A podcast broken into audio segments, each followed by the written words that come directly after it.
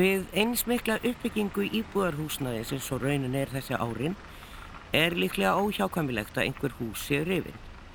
Sum þeirra eru í úslitin og úr sér gengin en við önnur er vel hægt að setja spurningamerki. Þurfti að rífa þau? Og er þetta ekki bara spurning stundum um að hugsa út fyrir bóksið? Heimildamyndin Jarðsekning var frumsýnd á RIF. Myndin er eftir Önnu Maríu Bóadóttur, arkitekt og menningafræðing en þar er fylgst með jarðsekningu gamla Yðnabankans eða Íslandsbanka í lækjagutunni. Verulega áhugaverð kvikmynd sem vekt er að horfa á góði hlustendur ef þið komist yfir hana kemur nú örugli í sjónvarpið.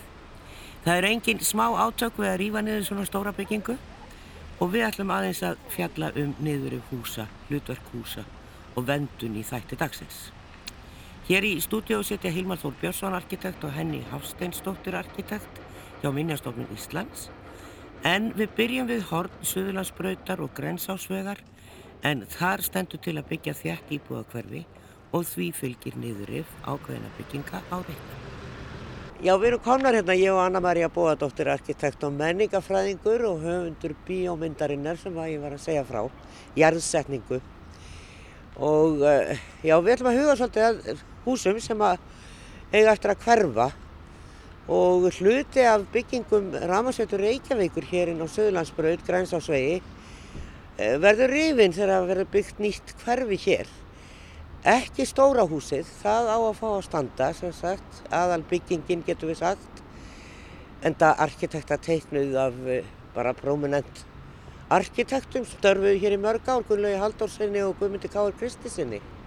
Og þetta er svona bara einhvern veginn, svolítið smart, svona modernist hús.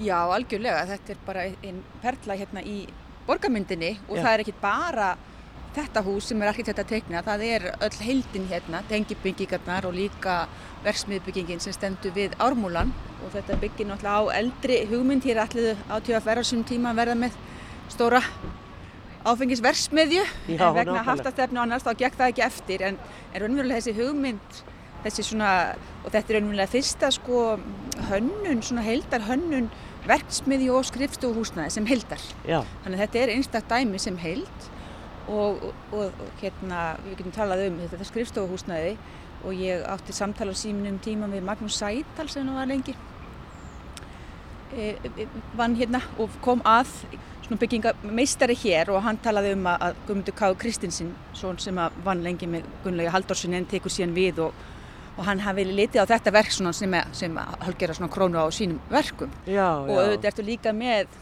sem skiptir alltaf miklu máli góðan verk kaupa Já. í þessu tilfelli er þetta í Rammarsveitur Reykjavíkur að fara undir eitt húsnæði á einum stað. Þannig að hér var ekkert til sparað. Og líka þessi lóð sem við sjáum hérna í kringum okkur allir þessi, þessi græni reytur Reynir Vilhjálmsson landslagsarkitekt vann með Guðmundi K.R. hér að því að hanna þessa lóð og það sem var sérstakt hér að hún var umlega full frá gengin þegar húsið var víkt og það er nú oftast að það er einhver svona hugmyndur um lóðafrágang og einhverja fallega tekningar Sérstaklega á þeim tíma. sérstaklega á þeim tíma Já, þannig að þessi hérna lóð sem í dag er orðin hálfgjör bara náttúrulega mjög gróið hún varð svona kannski líka ákveðin svona já, hún setti svolítið svona tónin fyrir það hvernig væri hægt að hérna búa vel um græna reyti í borginni? E, Þetta hús fekk eiginlega e, nafnið Orkuhúsið eftir að hinga fóru læknastofur og sjúkraþjálfun og annað sem er farin úr húsinu.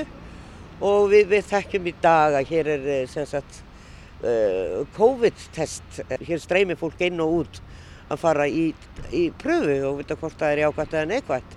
Það var svona nýjungar hérna sem bæði var listaverk sett hérna, ég er ekki svo sem að segja auðvitað hefur það verið gert en En svo var líka hérna íþrótta eh, aðstæða fyrir starfsmenn sem var nú eiginlega alveg nýtt á þessum tíma. Já, það varu margar nýjungur og mikill metnaður. Það er svona, sér maður líka eftir því að þessari hugmynd, en ég vil samt ekki trúa því ennþá að þetta verði rifið, því að það er svo mikið af nýjungum sem býr hér á, á, á þessum reit, bæði í uppbyggingu skrifstofhúsnaðis og rosalega mikil gæðir líka bara í smáatriðum. Já. Og, og ég, ég hef komið hérna með nemyndur bara, þetta er einhvern svona skólaböku og dæmi í bara góðum deilum. Hvernig maður gengur frá efnisfrágangi og hvernig maður lætur ólík efni mæta saman þannig að það er kannski bara líka ásýndin og áferðin á hérna ydrabyrðinu og svo líka mjög falleg deilihaunun í öllu, öllru innra byrði. Þannig að það er allt hér, já, það er mjög mikill metnaður frá að til auða í öllu hér.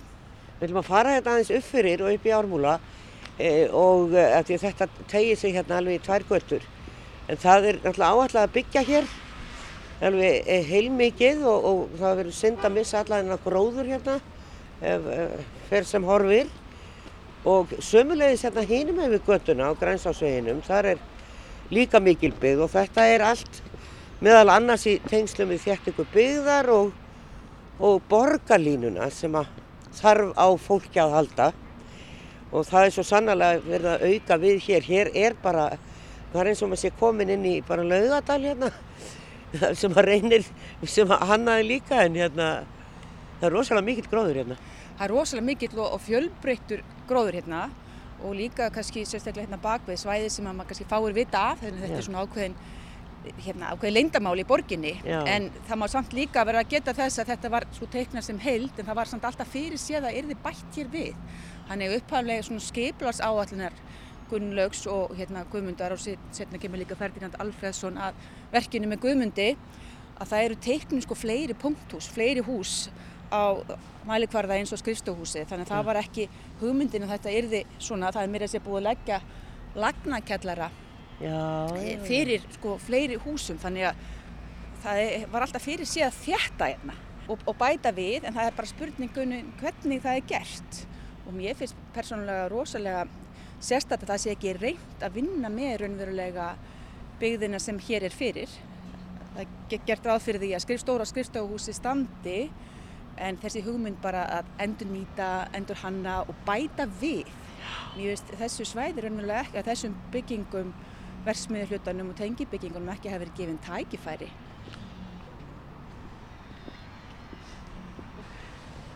Þetta með að taka því alvarlega, þetta með að við séum ekki að hugsa hlutina sem einnóta heldur virkilega gefa þeim færi á að hlusta á að hlusta á byggðina og sjá hvað hún getur orðið. Þessar skemmur hérna, eða hvað við hefum að kalla þetta versmiðu og vélahús og annað sem var nýtt til viðgerða og, og svo það á að fara og eh, ég hugsa margir hugsa að þetta er nú ekkert svo spes að meða við húsið útlit, útlitslega séð. En það er, ég veit að það eru menn búin að vera að vinna með hugmyndir um hvernig var hægt að nýta þessi hús og þau hafa verið í nótkunn. Þau hafa verið í nótkunn, allskynn starfsemi og það var náttúrulega á sínum tíma þegar hérna, veitufyrirtæki borgarnar saminast, orkuvetan og, og, og ramagsvetan í orkuveitur Reykjavík og þá er hún hér til húsa hluta og síðan er tekinn þessi ákvörðun sem sumur segja að hafa ekki verið góð ákvörðun að fara í nýbyggingu orkuveitunar upp í Bæjarháls. Sem er ónýtt hús, eða sagt og það hafi frekar alltaf byggja hérna við og ja. það sé eftir sér bæði eftir þessara lóð og þessum byggingum en það hefur verið allskynn starfsemi hérna bæði símafyrirtæki, þvottahús, það er líka textilfyrirtæki og fleira hérna í þessari, í þessari álmu hérna, versmiðálmunni. Og þetta er allt innangengt? Þetta er allt innangengt í gegnum þennan hérna, þessa tengi byggingu og líka hefur þetta þessar byggingar fengið svona aukið svona sögulegt verðmæti, menningarsögulegt verðmæti núna. Vissulega er sko byggingarlistaleg verðmæti mikil Já. en núna þú nefndir hérna hafa flestir komið hér í annarkvort í, í, í test í tengstu við COVID. Og þannig að þetta verður í framtíðinni mikilvægur reytur bara út frá því sjónamiði við erum vonandi ekki í heimsvaraldri á á hverju ári nei, nei. þannig að þetta verður sögulegur staður þannig að svona sögulegt vægi þessar staðar hefur aukist. Nú þegar er þetta mikilvægt sem þessi bygging yfir Ramarsveitur Reykjavíkur og það er alltaf verið að tala um grænu áallinarnar og það er náttúrulega aldrei sluti af okkar grænu orkusögu er starfsemi Ramarsveitunar í, í Reykjavíkuborg og þetta eru svona perlur og vermæti sem borgin á og svo saga, hún skrifaði sig hér inn og þennan reit, hún er líka raunverulega hinumegin hérna við Grensásveginn, þar er meðal hann stæluhús. Já, svo er nú búið að rýfa eitthvað þar að því að þar er verið að byggja stærðarinn að blokk. Já, og þar er allavega bygging sem að orkuveitan var í, er ekki, sín hittaveita Reykjavík. Jú, það var, var þarna í Já, húsi á, á, á tíma sem að búið að byggja mikið við, þannig að það fór nú nýlega fyrir einmitt nýri íbúðabyggð. Já, það tekur nú úr svona í ljósi myndarinnar jarðsetning, það sem hefur verið að rýfa gamla yðnabankan, Íslandsbanka, þá uh, verður nú svolítið mála að rýfa þetta allt saman hér Já, það er og, náttúrulega, brjó, og náttúrulega bara höggva oppan af þessum gróðri, þessum trjám. já, það verður svakalegt niðurif sem hér er fyrir þessum. Ég finnst raunverulega ekki að hafa verið fengið nóg miklu aðtökli að hérna hvað er í raunverulega hér framundan. Maður fagnar náttúrulega sko framkvæmda aðilum sem ætla að fara að byggja metnaði nýtt en mér finnst að það verði að huga að því hvernig þeir hægt að byggja með því sem fyrir er, að endur nýta og endur hanna og flétta þið nýja við því gamla. Já. Það eru náttúrulega í borgarvænda stemnu Reykjavíkur borgar, bæði það þarf að færa rök fyrir niður yfir eldri bygginga og Já. ég sé ekki að það hafi verið gert hér og sama er að eiga sér stað líka á heklureiknum og, og víðar. Það er einhvern veginn ekki búið að, við erum ekki búin að lækna stað þessari, þessari veiki að gera ráð fyrir því að svona versmiðjuhúsnaði víki. Það er svolítið merkjöld að því að það er sko, maður uh, fer til útlanda og er að sjá hús frá því, frá því uh, sko uh, 1600, 1700 og, og það hefur ekkert best við og, og maður sé til dæmis í Prag að, að þar er jú byggt inn á milli, auðvitað eðilegjast hús líka. Og þá þarf að byggja og þeir eru svolítið djarfir hann í Prag, þeir setja oft bara mjög nútímalegt hús inn í, inn í randbyðina og, og, og svona bara djarfan arkitektúr en passa samt einhvern veginn við. En það er ekki bara farið og rifið þessa sögu sem að er allstaðir ég veit ekki alveg hvað þetta er eh, hjá okkur, við ætlum náttúrulega að öll bárjáshúsin á sín tíma torfuna og allt það átti nú hverfa og tjarnagatan átti nú líka bara hreinlega hverfa öll þau fallegu hús sem við horfum á kringum tjarnina núna er það þannig að þessi nýri hús sem eru byggð svona upp á 1950 og fram undir síðustu aldamót að, fólki verist bara að vera meira sama um þau einhvern veginn. Já, það er þessi svona steinsteipu öld okkar og hér er náttúrulega steinsteiptir ofan á, á klöppuna beint og þetta, hérna dæmi er, hér eru stálgrind og, og timburveggir en þannig er það með steinsteipu bygging og hún er ekki að fara að víkja en það er einhvern veginn, hún hefur ekki hlotið þessa náð og, og virðingu sem hún á skilið. Þú Já. talar um timburhúsinu, auðvitað var gengið freglega á torrbærarfin sem kom þar á undan þannig að virðist vera við áttum okkur á því alltaf seint Já, á verðmætanum að því að núna erum við, er við flest mjög hrifin af fallegu timburhúsunum okkar og, fegin, og þökkum fyrir þau sem að fengu að standa þótt að mörg hafi vikið. En það er samt sem áður gengið mjög freglega í áallunum núna á sérstaklega steinsteipu arfleiðin okkar sem við þurfum að taka betur utanum og auðvitað er þetta bæði söguleg verðmæti, þetta eru byggingarlistileg verðmæti.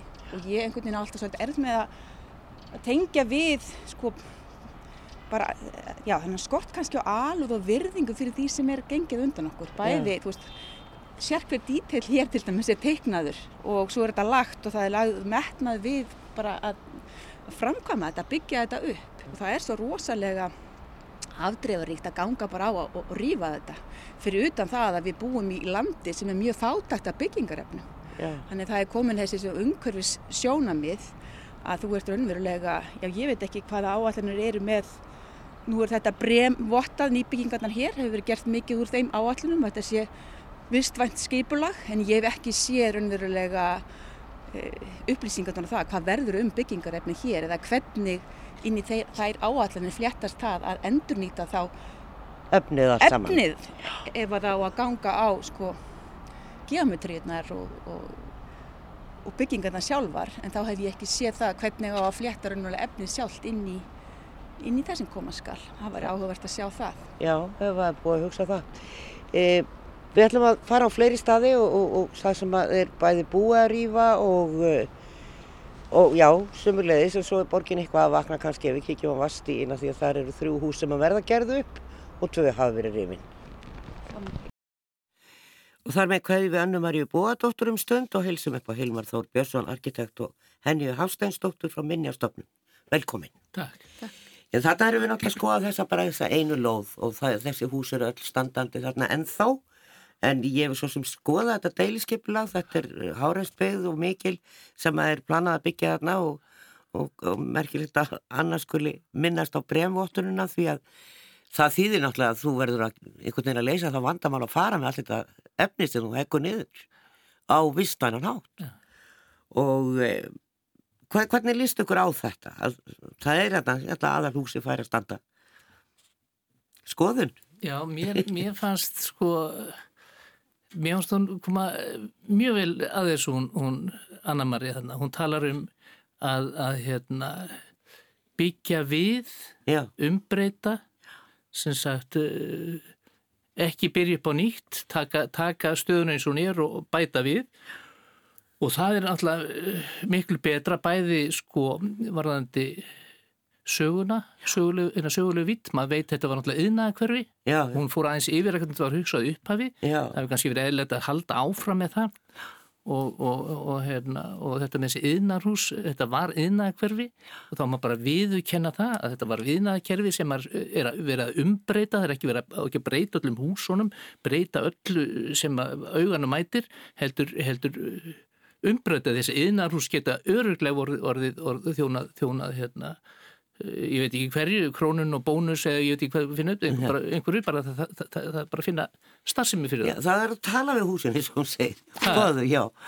Já, ég er bara algjörlega samfala, mér finnst þetta mjög góð yfirferð hjá önnumari og bara virkilega, þú veist, fær maður virkilega til þess að hugsa og langar kannski að bæta kannski aðeins við að hérna uh, byggingararfurinn, hann er okkur náttúrulega bara til láns hér Hann, við eigum hann ekki hér í dag, við verðum að líta á hann út fyrir okkar æfiskeið og, uh, og ég get ekki annað en hugsa svona kannski eftir hundrað ára þú veist, fólki þá sér gamlar myndir af þessu húsi og sér það ymitt í þessu samhengi með, með heimsfaraldurinn.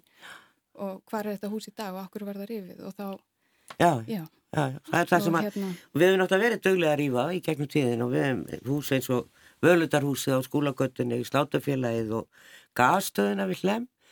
Þetta var alltaf glæsilega byggingar og, og, og maður svona sér myndir af þessu og, og maður sér gasstöðuna til dæmis eins og löggustöðun er. Útrúlega. Já, hefur ekki verið hægt að byggja við og hafa löggustöðuna bara í gamlu gasstöðunni. Og svo kveldúlskálarnir hann við skólagötu.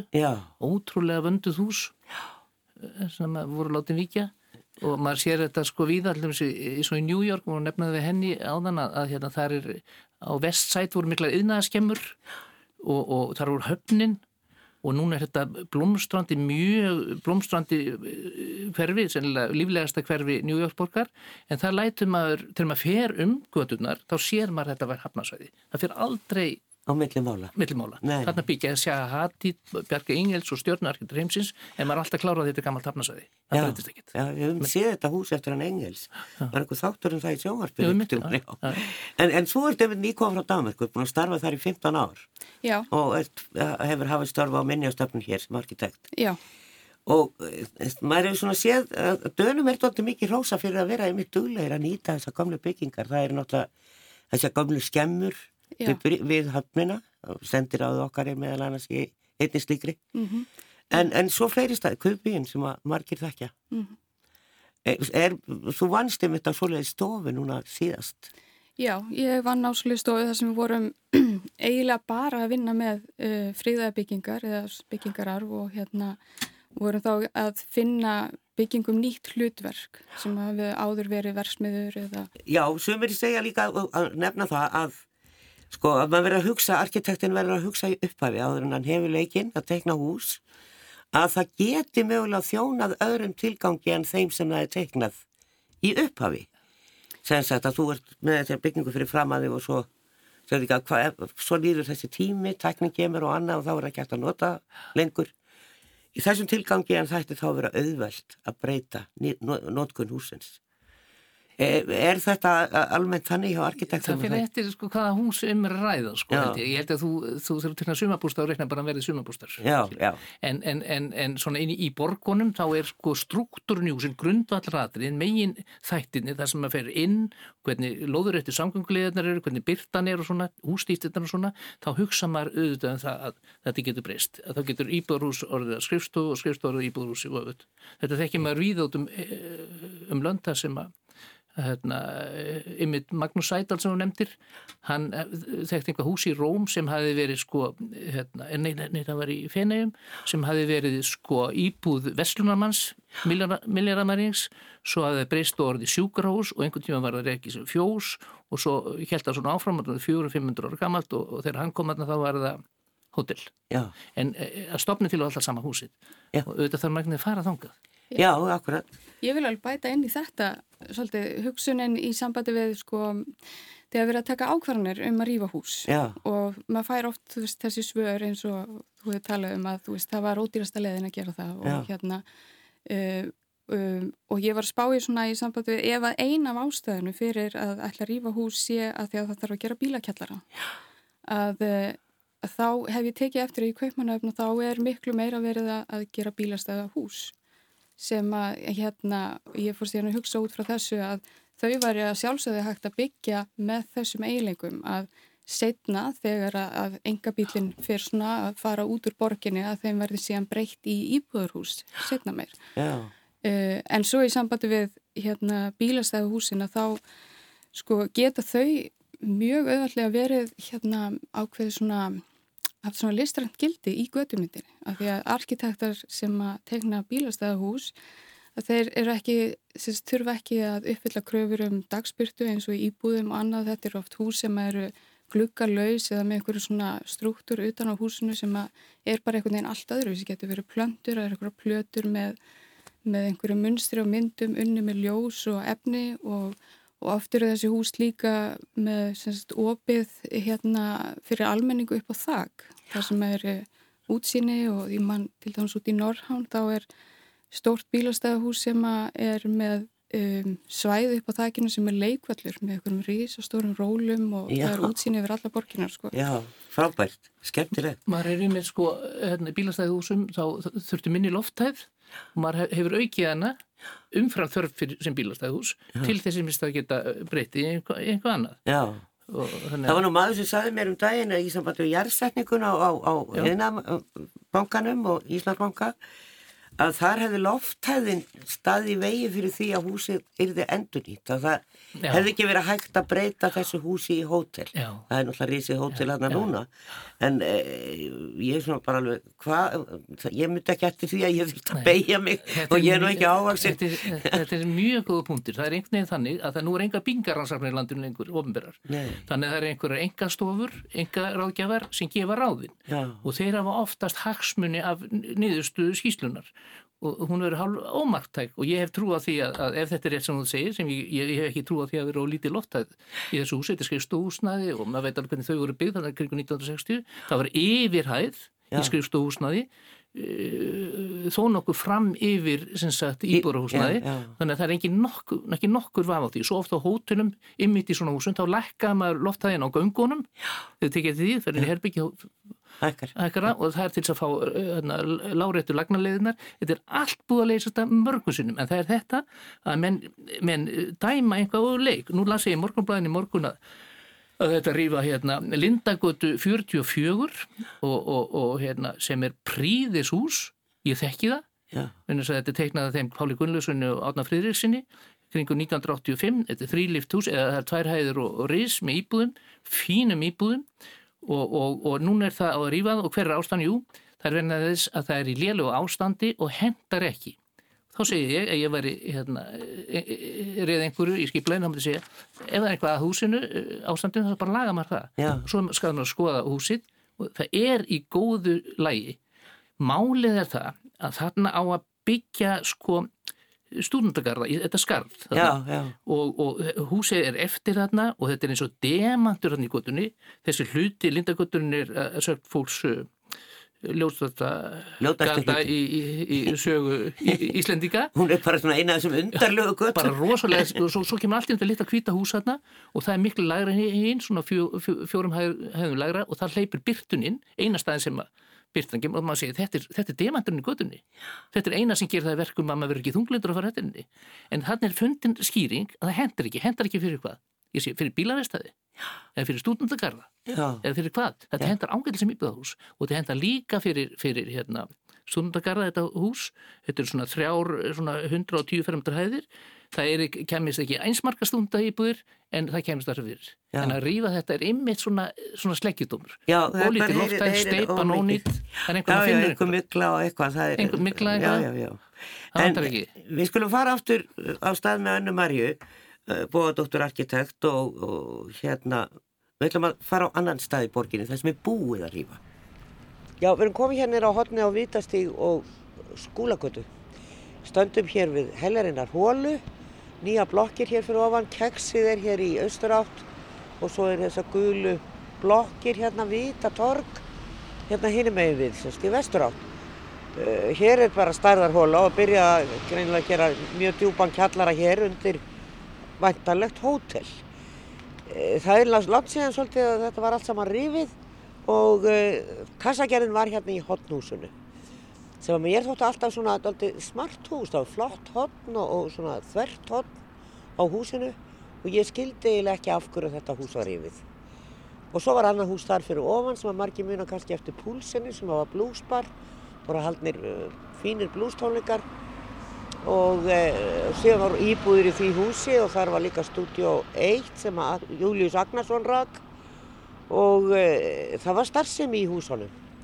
Mikið af listamönnum sem voru konar með vinnustofur þarna í gamlu kassakerðina, saumastofamanni og eitt og annað var í húsinu en ég veit ekki hvernig ástandi var, mann er alltaf bara sagt það var ónýtt og síðan fær maður engin rauk. Hver rannsakar það í dag, veistu það, Anna-Maria? Hvort að hús er ónýtt eða ekki þegar við erum búin að leggja niður rannsaknarstofnun byggingarinnaðarins? Já, það er náttúrulega ýmsar verkfræðstofur sem að gera mikilvæga rannsóknir á burðavirki og svo líka bruna áskorunum og hérna bruna hérna eh, og, og fleiri þáttum. En það sem gleymis kannski í þessu að sko jafnvel hóta ástand byggingar sé á ákveðin hátt og, sé færð rauk fyrir því í skýslum þá er náttúrulega hægt að koma inn og styðja og styrkja og laga, bæta. Já, Þannig að það er kannski svo hugsun sem að mér finnst vanta inn að jafnvel þótt að ákveðin bygging sé eins og ég segi, í misjöfnu ásýrkomulagi þá er ekki þar með sagt hún sé ónýtt og verða víkja. En enga síður þá kannski er ákveðin kostnaði sem þarf að hérna sem að liggur í því að að laga, já, endurgera og bæta og hjálpa raunverulega byggingunum að lifa áfram. Þannig að hérna, ég held að sé oft, já, fullri virðingu og öruglega metnaður lagður í þessar áallunagerðar um ástandsmat húsa. Já, en oft, jú, sér maður ekki ástandsgreininguna endanlega en þá kannski vantar líka að skoða það víðari verðmæti sem er í, í byggingunum og, og meta það með tillitið þess hvort það eigi að víkja eða ekki. já. Þetta er, verður eitthvað voða smart hótel með óbúslega háum turni og einhverju útsýnisbar og eitthvað þar uppi sem að verður síðan myndir af hvað sem að það hefur breyst eða ekki. Eh, Það er náttúrulega, getur verið ansið hvast hér í norðanáttinu og kallt. Svo er líka annað í þessu að það er kannski sko, þegar þú breytir um sko, hlutverk og starfsemi í byggingum þá ertu líka að sko, auka kröfunar á bygginguna. Ef þú breytir byggingu úr skrifstofuhúsnaði í hótel þá ertu þar með að auka kröfunar á húsnaðið af því að það eru meiri kröfur gerðar á húsnaði sem fólk sefur í. Já, Þannig að það er kannski það líka sem við þurfum að horfa í að, að nálgast byggingarnar með virðingu fyrir því sem þar era, eru já, og hugsa til þess hvað þær geti orðið, hvað þær vilja verða, frekarna ákveða fyrirfram og, og hérna, skilgarna hlutverk fyrir þær sem að þær kannski get ekki staðist. nei, Ég held að við þurfum að breyta svolítið svona því, því viðmiði og þeirri aðferðafræði að hlusta á þær og horfa á þær og skilja þær, jú, með sínum kostum og göllum og leifa þeim að hérna, njóta virðingarnar og verðmætana með til þess að skilgrina þá framtíða hlutverk á forsendu byggingarna sjálfra en ekki einhverja annara hugmynda. já, já. Það kostar náttúrulega töluvert að rífa byggingu og það er rosaleg mengun og, og þarf að flytja allt efni frá staðnum. ákvað hvert það á að fara og allt það og hvort það er eitthvað að endunýta það. Það er, leit nú ekki þannig út í jærsetningunni þinni að það væri nokkuð verið að endunýta þar en við skilst að einhverju hafi fengið einhverja veggi þar og hérna en, en annars bara fór það hús og það kostar, þú þurfum að leggja þann kostna við, margir segja nefnilega að ef þú ætlar að endur gera bygginguna og gera við hana og, og, og finna hlutverka þá kostir það oft miklu meiri peninga en að rýfa. Já, það er hvers, hvernig reiknistæminu er stilt upp og auðvitað höfum öll heyrt hennan söng að það sé miklu ódýrara að rýfa og byggja nýtt. Og, en, en hvaða, hvaða breyta og hvaða raunverulega útreikningar liggja þaðra baki. Það er ekki búið að reikna þá inn umhverjuskostnaðin sem að, að því hlýst og það er heldur, heldur ekki búið að reikna inn raunverulega tapið af því að fjölbreytnin í byggðinni, að sagan í byggðinni, að verðmætin í byggðinni hverfi. Þannig að það er svo, þær breytur, þær eru raunverulega ekki með, haldar með, Nei. þegar er verið að segja það sem miklu ódýrar að rýfa og byggja nýtt. Við horfum til dæmis á þennan reyt, að bæði hérna saga, hér koma verki mjög, mjög mikilvægir hérna, byggingameistarar og, og hérna, ekki arkitektarar en enga síð forsmiðir, Guðmundur Hár Þorláksson.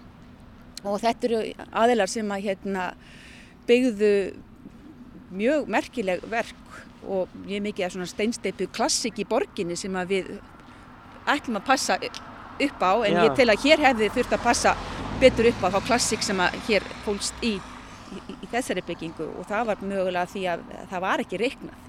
Það var ekki reiknað inn tapið sem, sem við verðum fyrir þegar að þessi svona saga hverfur og borginni handverki hverfur og heldur ekki reiknað inn hvað það kostar önverulega samfélagið og umhverfið að urða svona mikið. Og, og það eru aðeins að aukast hvaðir á bæði flokkun og endurnýtingu og endur vinslu en enga síður þá er alltaf lang hagstæðast og verðmætast að leifa byggingum að standa og við njótum þeirra áfram. Eh, Keksi fekk að vera áfram Eh, ég heyri þá kæft að sögja að það hafi verið ekki út af því að þarna var keksvæsmiðja. Það var ekki frón sem var þarna. Já, en það heitir vitingastæðurinn Sæmundur í Sparifötunum, það er kremkeks, heitir bara svona mjölkukeks. En já, það var, semst keksið var fekk að standa út af húsið er búið að fá skemmtilegt hlutverk og var búið að innrætta og gera margt skemmtilegt samt að nýta sko uh, gamlu lókalinu, það var ekkert að rífa neina veggi eða neitt þannig. Eh, og eh, þetta er bæði hótel og svona hostel, góðu veitikastæðir, músik og eitt og annað sem gerist í þessu húsi. Þannig að það var, það var látið heiga sig þannig en það átt að rýfa það. Mm -hmm. Já, það er kannski alltaf, eh, kannski sterkasti leikurinn í hérna varðandi þetta allt saman er einmitt að, að hérna, leifa byggingunum að lifa áfram og gefa þeim hlutverk sem, þar, sem virkar fyrir það. Við sjáum líka annað dæmi eins og Marsjálfhúsið út á Granda e, og Allianshúsið sem átt að vikja þannig að við eigum alltaf fleiri og fleiri dæmi um það sem að hérna, lífið í byggingunum hefur orðið til þess að þær fá að, að lifa áfram og líka metnaður þá eiganda og kannski breytt sjónamið eins og kakvart Allianshúsinu sem var friðað stuttu áður en það áttur önvilega að rýfa það Já. þannig að þetta er mjög gott dæmi með keksi þegar það farið þar inn með metnað og með skilningu fyrir verðmættinu sem búa í húsinu og takmörkunum þess líka skilgreina starfsemi fyrir það sem að byggingin þólir og getur lifað áfram þannig að það er kannski einna liklunum í og ég vil ekki tala um byggingar varveistlu ég vil kannski tala um sko, byggingar liðveistlu og byggingar svona alúð að við hjálpum byggingum að lifa inn í framtíðina. Ekki endilega hugsaðum þar sko að við varvitum þar sko út frá sko, forsundum sögunar, jú, jú, það þarf að gera það. En meira að hugsa þetta framsækið og til framtíðar og hugsa um lífið. Já. hugsa um að við erum að hérna, veita byggingum framtíðar líf til þess að geta þjóna okkur áfram og verið með lifandi starfsemi. Nákvæmlega. Við ætlum að fara á ennið stað og það er eh, Vastígurinn þar er ekki einhver risabygg sem er að rýsa en þó starri hús en, en uh, voru rifin en, en þar setti borgin skilir upp og þrjú hús erðu varðveikt og gerðu upp ef að byggingarleifi átt að fást. Og svo verður byggt þarna bæði inn í stórt port sem er bakvið þau hús sem eru var, varveikt og nýju byggingarnar sem að koma þar. Það, ver, það er svolítið mikið lóð þarna bakvið.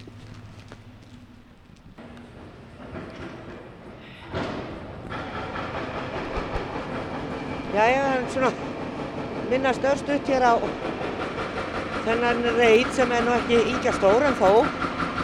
Þetta er laugavegurinn hér við Vastík í austur átt. Það eru tvö hús sem er að gerðu og svo er gammalt steinhús hér á bakvið sem að stendur svona inn í lóðina sem að ég hugsa nú að verktakar myndi gæta vilja losta mig en það var sett skilir því hjá borginni að þessi þrjú hús eru gerðu ef þeir vildu byggja annars þar fyrir neðan. Og eins og við heyri gott þá er verið að brjóta brjóta grjót þarna með á stórimaskinu og hér við hliðina mér er svo verið að henda út rusli út úr biskupsstofu mikið um að vera hér á þessu hodnana Mjög mikið, það er allt, hef allt í gangi. Já, en eh, sko borgin getur náttúrulega tekið svona ákvarðanir. Bara það má ekki, þið, þið fáið ekki þetta hotn nema þið gerir þetta upp. Já, hún ekki, ekki einum sketur heldur er það raunir á ábyrg borgarinnar Já. að standa vörð um verðmætti arfinum til, til framtíðar og ekki til morgundagsins til, til framtíðar kynnslóða og það er náttúrulega engin sko tilviljun að kannski þessi svona verðmætustu svæði í borgum heimsins eru þar sem mesta sagan er og elsta byggðin er. Já, því hún, já, hún er kannski þar sem að við eh, fengjumst því sem var en það líka þessi fjölbreytni sem á sér stað handverkið sem byggist upp tíman og svo er áskorun náttúrulega að jú, og, svo myndar þessi eldri byggð með grunnverðmætti í nýju byggðinni sem síðan þetta sauma ofan í. Þannig að það, er oft einhvern veginn þessi svona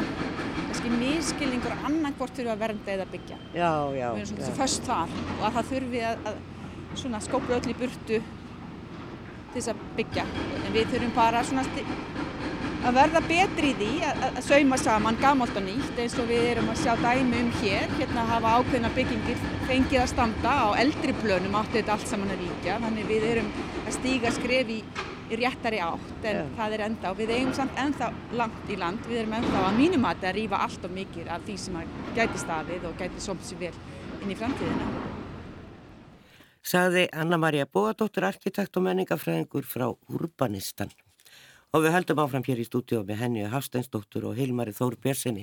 Það var náttúrulega nánast ómögulegt að standa og tala saman með þessar aðgerðir í gangi og ekki nómið það að væri verið að brjóta grjót þarna heldur var verið að fleia heilmiklu rusli út úr biskupstof. Ég man nú ekki hver kefti það og hvað á að her- gerast þar. Ég ætla að vona að þeir séu ekki að fara að rífa einréttingar í því fallega húsi að það fá að standa. En eh, myndust á þarna að, keksi, það var einhvern veginn komið hlutverk en á planinu átt að rífa það hús líka alveg út af Hotel Baron sem er út í Barónstík en e, því var sleft og kannski vegna þess að keksi er skemmtilegu staður og Já. það verið endurnýta efni. Allt sem þar er inni er endurnýting. Þó að það hefur verið fluttað utan þá er alltaf smá kolumnispor þar. En, en það fara að standa. E, þetta er kannski eitthvað, það verður bara að flýta sér að að finna hú- húsinu hlutverk eins og kassagerðarhúsi sem var tóttið smart. Já, svona art deco hús Já, ég mitt, allt er góð. já, Mér finnst kekk sko einmitt þegar maður kemur að inn þá verður maður fyrir þessu áreiti af þessu sem var. Maður sér þessar flýsar, það eru hvita flýsar, það sem var einhvað bakað sko, þetta er hreinlætismál og þetta er svona, er þarna maður finnur að maður er, er í húsi sem er hugsað fyrir einhvað annað en það trubla maður semt ekkert, þetta er bara sjarmerandi og, Já. og, og jákvæmt áreiti og ég held að maður hugsa allt og lítið um þetta sko. Maður finnst getur alveg komið inn í hús sem að, og maður finnur þetta að hugsa öðruvísi en já, maður tekur það súra minus þetta. já, nákvæmlega Mér finnst þetta einmitt vera hérna, gefa húsinu svona ákveðu svona leir af svona quality þegar maður kemur inn í hús og maður skinnjar að þetta hús var byggt fyrir eitthvað annað og svo saga fær einhvern veginn að standa í, í rýminu. Það, já, já. og, og oft eru, þú veist, arkitektar að reyna að ná fram þessu með efnisvali og öðru, þú veist, en, en í rauninni þarna er, er þetta til staðar fyrir og þá er svo gott að geta bara byggt ofan það. Sko. Já, já, en þá líka nöfnin á veitikastæðinu Sæmundur í sparifettunum sem er aldrei skemmtilegt. Já, skemmtilegt. Já. Já, já, og svo er það þegar maður le, le, að lesa hús, sko, maður les húsin, sko, maður getur lesa út úr þeim hvernig voru hugsuði upp af við og, og svo fer maður inn í því, þá, inn í það þá er einhver annað, þá verður maður oftast fyrir jákvæði eh, áreiti og, og, og þetta gerir þetta allt miklu skemmtilega. Já. Ég er um þetta alveg sammála önnum að eins og hún segir hérna leikilatrið er að hlusta á byggingarnar Já. og að sé á hverjum verðmæti í sögunni Já.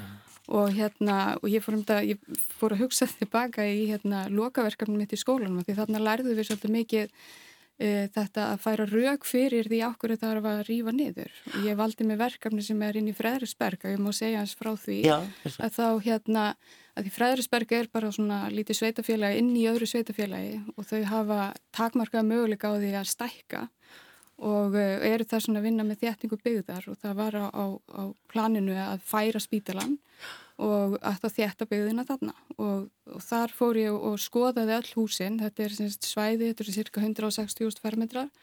Og hérna það er semst, fyrsta húsi byggt 1903 og það sem að ég komst að þegar ég var að reyna að finna út sko hver sérstæða svæði sem sé er þá er það að þarna voru byggð hús jáft og þétta alveg til þess dag sem ég var að vinna þetta verkefni Já.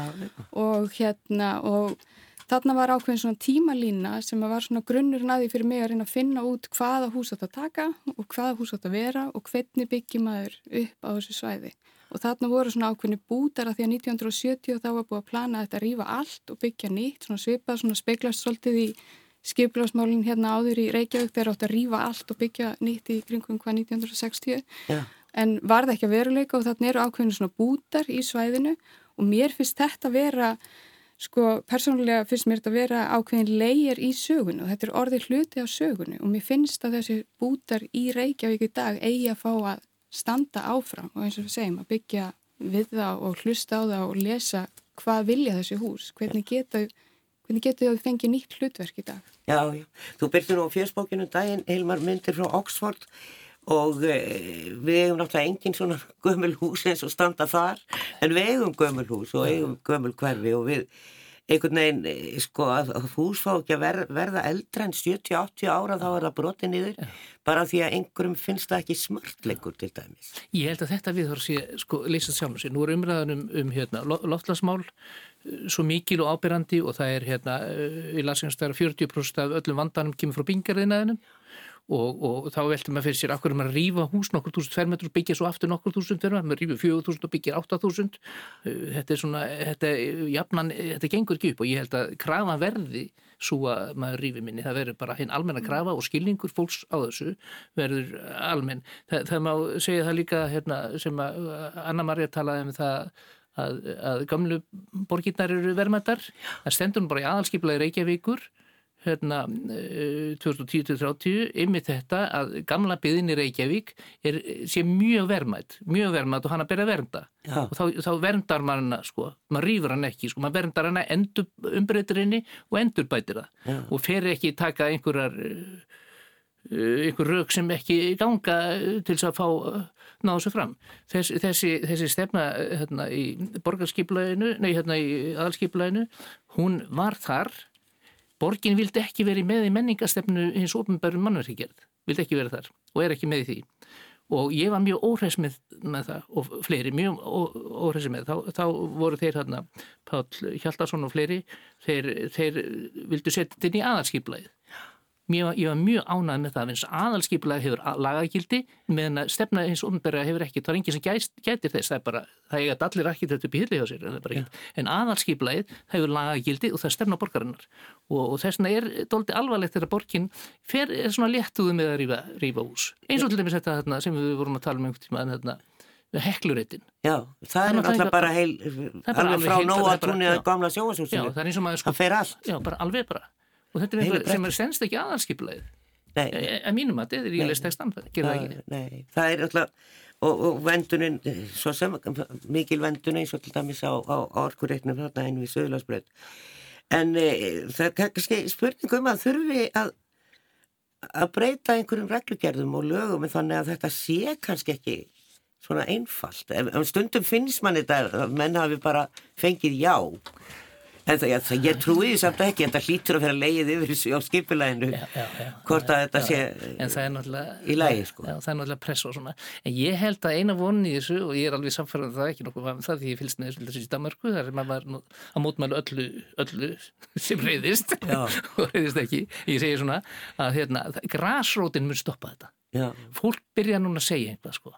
Og, og stjórnmálmenn hlust á kjósundu sínar það er nú veginn þannig. En það tekur svolítið langan tíma stundum. Já. og ég held að það endi með því að, að, að menn verða mjög híkandi með að rífa ús Fá ný torfisamtök og þá að vera að bjarga steinsteipu klassikinni Já, já, já, það þarf kannski að gera það. En enda, ef við erum að tala um kólefnisspor og mengun. Og eins og þú sagðir, það er mikil mengun að, að rífa og byggja. E, er, þetta eru kostningamál til dæmis núna bara um daginn þegar við vorum að kjósa En, en þá verður þetta bara svona eins konar uh, bla. Það talaði um það í kostningabaróttunni en, en svo er þetta einhvern veginn alveg að vinna gegn, gegn þeim hugmyndum. Já, Já. gera það. Já. Ég held að sé að lóta fullir það. Eh, en eh, sko að því Anna-Maria tala svo fallega um húsinn, þau eru svo lifandi verur í hennar auð og, og spyrja þau hvað viltu verða já, já. og eh, það eru verðmæti í byggingaarleðinni sjálfri. Algjörlega. sem að verður að varfið og taka það með inn í reknistæmið. Mm. Er líka bara svolítið mikilvægt að sko, hugsa um það að þú veist, sum hús þarf kannski að rýfa. Þú veist, þetta er ekki þannig að veist, það er ekki bara aldrei að rýfa neitt en það þarf náttúrulega kannski að, að vera með einhvers konar einhvers svona plan yfir uh, hvað á að rýfa og þá er líka kannski nefna að mér fyrst vant á svolítið svona heildar yfirsýn eins og við segjum til dæmis bara ákveðna típur á byggingum eins og post- og símabyggingarnar, bensinstöðabyggingarnar, fristihúsin, skólabyggingar, þetta er svona byggingar sem voru byggðar út um all land svona svipuðum tíma.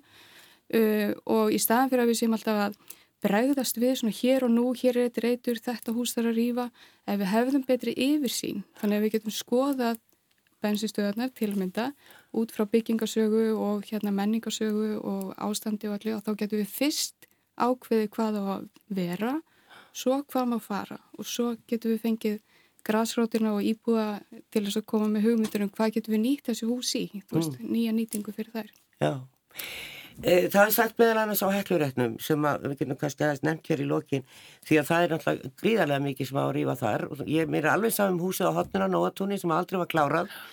Og sem er doldið skrítið, það er bara játnin standa upp úr þakkinu ja en svo er svona litlar vestæðisbyggingar, brautarholtsmegin og fullt af stórum húsum sem að virast vera bara í fínu lægi hekluhúsin og, og fleira þarna. Og svo eru svona láreistar skemmur. Þetta var náttúrulega einaðsvæði einhver tíman og bílasalla núna náttúrulega.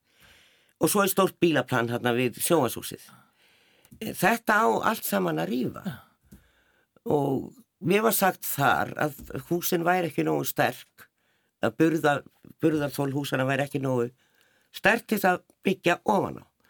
Og ég spurði þá getur við ekki bara byggt aðeins minna ofan á í staðin fyrir fjóraræðir, bara tvær. Þú kannski þóla það?